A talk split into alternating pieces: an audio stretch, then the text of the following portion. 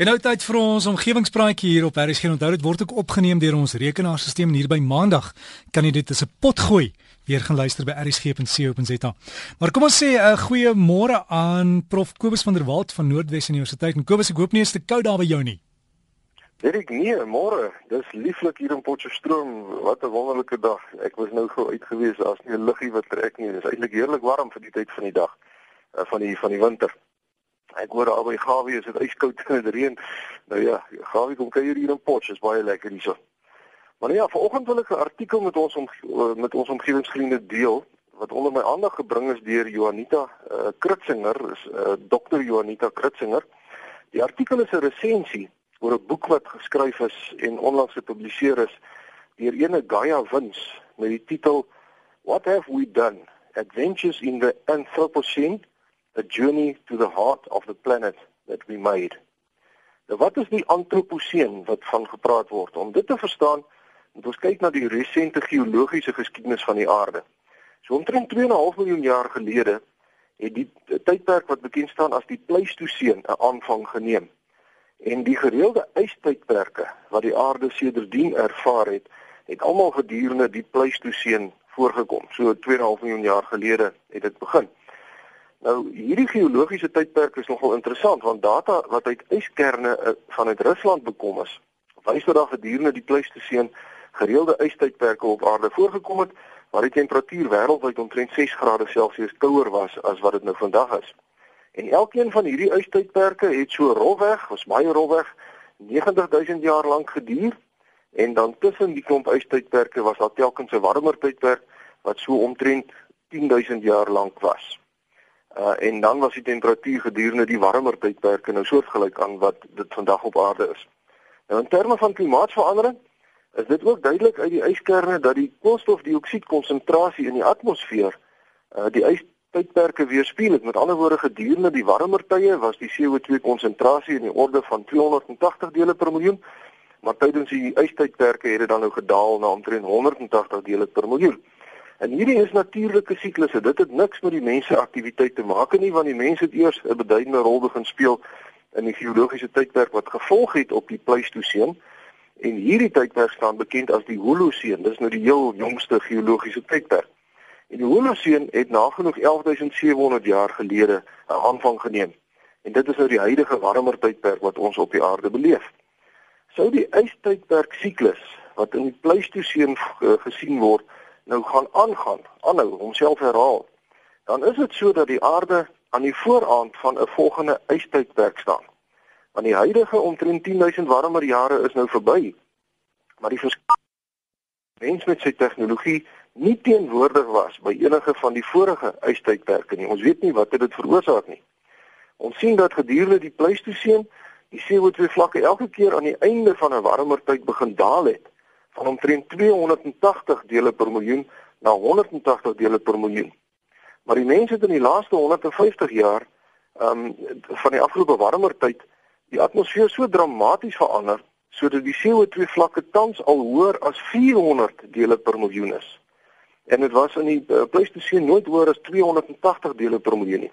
So in steede daarvan dat die aarde nou begin kouer word soos wat mense sou verwag met die natuurlike siklusse, wys wêreldwye metings Dis nie met modellering nie, dis gemeete syfers dat die aarde besig is om nog warmer te word. Ons sien dit ook in die gletsers wat smelt en in die gemiddelde see temperatuur.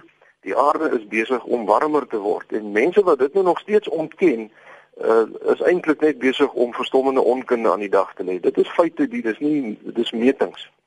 Maar dit is egter nie net die hoeveelheid CO2 in die atmosfeer wat deur die mens verander is nie. Maar ons het gronderosie, grondversouting, gronduitputting, grondversuiping en al die grondgoeders drasties verhoog.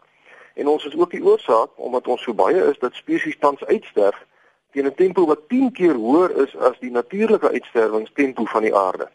En dan word ons self uh, meer teen 1 miljoen mense elke 4 dae. So elke 4 dae is daar 'n miljoen mense meer. En ons oorlaai die aarde eintlik heeltemal in 'n poging om genoeg water, kos en energie vir al die mense te produseer. En om alles te kroon, vernietig ons groot dele van die aarde met die tonne en tonne afvalmateriaal wat ons eenvoudig in die see laat inspoel of ongeërg op die land weggooi, so alles of mens iets kan weggooi. Mens kan nooit iets weggooi nie. Jy gooi dit net daar waar jy dit nie sien nie, maar die afval verdwyn nie. Nou terug by die boek. Die woord wat gebruik word om die mense aktiwiteite te uh, mee te beskryf is antropogenies.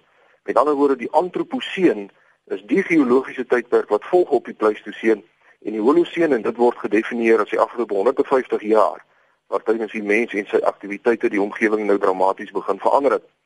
En dit is die tydperk sedert die industriële revolusie begin het. Die tyd van kernenergie en 'n eksponensiële versnelling in die mense invloed op die omgewing en dit word gekenmerk deur 'n toenemende verwydering tussen die mens en die omgewing. Met ander woorde, ons is nie regtig meer deel van die omgewing nie, maar ons verander die omgewing om by ons behoeftes te pas. As dit warm is, dan skakel ons 'n ligversorger aan. As dit koud is, dan sit ons 'n verwarmer aan.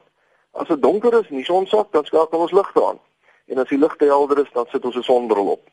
As ons in 'n woestyn wil bly, dan lê ons eenvoudig water aan met pyplyne en as ons onder seevlak wil bly, soos die mense in Holland, dan bou ons eenvoudig walle om die see mee terug te hou. Nou die persoon wat die boek hieroor geskryf het, Gaia Wins, was een van die redakteure van die gesaghebende tydskrif Nature. En sy het 'n hoofstuk aan elke deel van die omgewing gewy, naamlik berge, varswater, die oseane en die atmosfeer. En 'n paar stukkies ontstellende statistiek kom na vore. Soos byvoorbeeld dat 40%, amper helfte van alle land op aarde deesdae intensief bewerk word om genoeg kos te produseer vir al die mense. En net 12% van al die riviere op aarde loop steeds in die see in. Die meeste water in riviere word onttrek, uitgepomp om in menslike behoeftes te voorsien sodat die meeste riviermondings deesdae eintlik droog is. Die see is na regte niks anders nie as 'n enorme toilet. Want groot dele van die Middellandse See en ook die Noordsee is deesdae leweloos as gevolg van besoedeling en ook omdat ons al die vis vang. En ons volgehoue druk op die omgewing lei tot die gedwonge ontstaan van nuwe spesies, soos byvoorbeeld ysbere wat deesdae met bruinbere paar om 'n nuwe spesies beer te verwek. En dit is net as gevolg van die druk van die mense op die omgewing. Die ironie is dat ten spyte van al hierdie vreeslike invloede van die mens op die aarde, ons nie vreeslik suksesvol is in al ons poging om in ons eie spesies se behoeftes te voorsien nie. Want 'n geskatte 1 miljard mense ly elke dag honger en dit terwyl 1 en 'n half miljard mense oorgewig is, bloot as gevolg daarvan dat hulle te veel kos eet. Ons maak elke jaar 300 000 seevoëls dood wat in vishoeke en vislyne verstrengel raak en ons roei die wêreld se haie uit teen 'n tempo van 100 miljoen haie per jaar. Elke vierkante kilometer van die see bevat gemiddeld 18500 stukke drywende plastiek. En net 1% van die wêreldbevolking asem lug in wat eintlik skoon genoeg is dat dit aan die Europese standaarde voldoen. Omgewingsvriende, hierdie is feite en statistieke wat ons nou amper elke dag hoor, maar dit is asof die moderne mens afgestomp geraak het hiervoor. Hoe kan ek en u vanaand lekker gaan slaap as ons weet dat daar iewers op aarde duisende kindertjies is wat vandag niks gaan hê om te eet nie? En hoe kan ons maar aanhou om te lewe soos altyd sonder om ons afval te probeer hersirkuleer of om energie te probeer bespaar?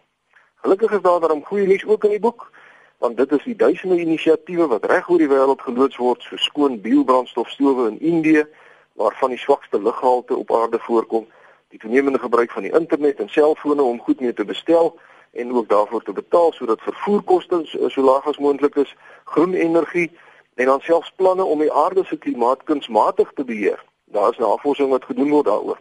Die probleem is egter dat baie mense op aarde steeds voortgaan asof daar niks fout is nie. Ons bou nuwe steenkoolkragstasies en ons maak nuwe myne oop en ons eet groente en vrugte buite seisoen en ons klim in ons motors om net 'n paar honderd tree ver te ry omdat ons te lui is en ons leef vrolik voort asof daar niks fout is nie. Die boek van Gaia Wins met die titel What Have We Done? Adventures in the Anthropocene: A Journey to the Heart of the Planet That We Have Made is 'n tydige waarskuwing. Kom ons hoop dat dit nie op dowe ore gaan val nie. Omgewingsvriende, daarmee moet ek afsluit. Skryf gerus vir my by kobus.vanderwalt by nwu.ac.za of by die fakulteit Natuurwetenskappe Noordwes Universiteit, Potchefstroom 2520. Vriendelike groete tot 'n volgende keer. Dankie aan jou Kobus. Dis die e-posadres dan Kobus met 'n K, hè, en 'n punt van der Walt aan mekaar. So dis kobus.vanderwalt by nwu.ac.za as jy e-pos wou stuur. Sal weer volgende week met Kobus van der Walt gesels hier op Breakfast met Derrick.